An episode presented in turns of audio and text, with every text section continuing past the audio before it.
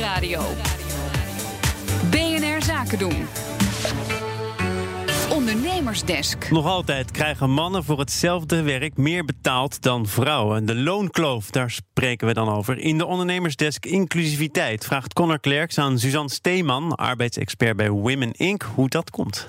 Uh, ja, de loonkloof is eigenlijk het gemiddelde verschil in het bruto uurloon van alle mannen in Nederland die in loondienst werken en van alle vrouwen die in loondienst werken. En het verschil daartussen is uh, de loonkloof. En dat is 15% in Nederland. Dus mannen verdienen gemiddeld 15% meer uh, dan vrouwen. En is er daarbij gekeken naar uh, alle factoren die relevant zijn? Je hebt eigenlijk twee, twee um, kanten van de loonkloof. Dus je hebt het verklaarbare deel en het onverklaarbare deel. En een deel van de loonkloof van die 15% kan je verklaren omdat man en vrouw nou eenmaal andere posities op de arbeidsmarkt hebben.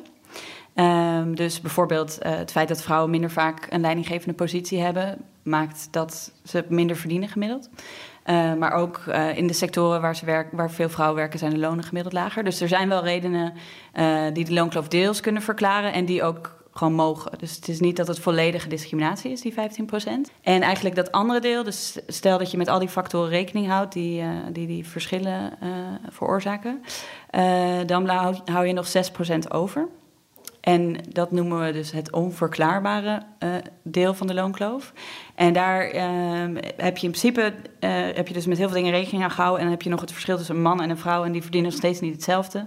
En dan moet je gaan onderzoeken waar dat dan vandaan komt. En dat is denk ik ook iets waar, waar veel werkgevers zich niet bewust van zijn. hoe dat erin sluipt eigenlijk. Want dat kan bijvoorbeeld komen doordat je bij het uh, aannemen van een man of van een vrouw kijkt bij het laatst naar het laatst verdiende loon. Bij een andere functie, die misschien verschillend is dan de functie die ze nu doen.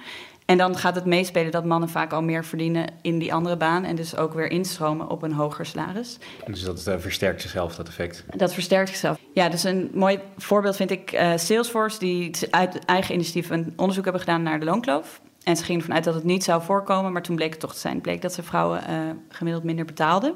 Ze hebben dat rechtgetrokken. Alleen het jaar daarna gingen ze het onderzoek opnieuw herhalen. En toen zagen ze, hé, hey, het is gewoon weer zo. Um, en dat is interessant, want ze hebben, wat ze hebben gedaan is... We, hebben, we gaan ze vanaf nu gelijk betalen. Alleen bleek dat vrouwen die nieuw binnenkwamen... Dat er, en mannen, dat er dus werd gekeken naar het laatst verdiende loon. En dat het toen bij die instroom al misging. En dat zo het, uh, het, de loonkloof er weer in kwam. Maar het zijn dus vergelijkbare posities waarbij um, een instromer komt en dan krijgt een man eigenlijk bijna altijd meer betaald. Ja, niet per se bijna altijd meer, maar je, kan, ja, je hebt dan een salarishuis waar heel veel werkgevers ook van uitgaan. Dan ben ik goed bezig, want ik heb het gewoon uh, gestandaardiseerd. Alleen natuurlijk hoe je iemand indeelt in het salarishuis kan, weer heel, kan je bias weer in gaan meespelen. Dus daar kan je en uh, uh, kan onderhandelen, kan een rol gaan spelen. Dus als een man onderhandelt of een vrouw niet, of allebei wel, maar je gunt het de man wel en de vrouw niet. Dat kan gebeuren, maar ook dus dat je gaat kijken naar die laatst verdiende loon. En dat je denkt, oh ja, dan zet ik je wat hoger in het salarishuis. Dus dat gebeurde bij Salesforce. En die hebben toen als oplossing gezegd...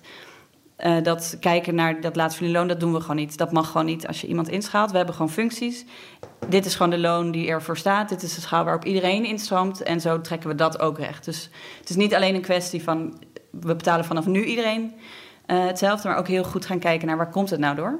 En hoe kunnen we die uh, oorzaken eigenlijk oppakken? Zit er nog een verschil in tussen wie er aan de overkant van de tafel zit? Of, of het een man is die iemand aanneemt of een vrouw?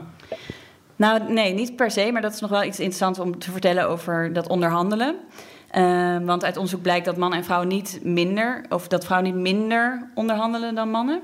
En ook niet minder goed. En dat is wel vaak een idee wat, wat mensen zeggen van... oh ja, die loonkloof lossen wel op. Vrouwen moeten gewoon zelf wat beter onderhandelen of wat harder zijn of wat dan ook. Of mannen zijn wat arroganter. Of mannen zijn wat arroganter of die kunnen dat beter of wat dan ook. Alleen het, het probleem bij het onderhandelen zit hem juist uh, aan de andere kant van de tafel. En dan maakt het niet echt uit of het een man of een vrouw is. Maar wat er gebeurt is dat wij allemaal uh, bepaalde ideeën hebben over hoe een vrouw zich gedraagt en over hoe een man zich gedraagt. En als jij voldoet aan dat idee, dan word je vaak, uh, wordt dat goedgekeurd en word je daarvoor beloond. En we verwachten van mannen dat zij onderhandelen. Dat vinden we, geen, dat vinden we niet gek als ze dat doen. Maar van vrouwen verwachten we dat veel minder.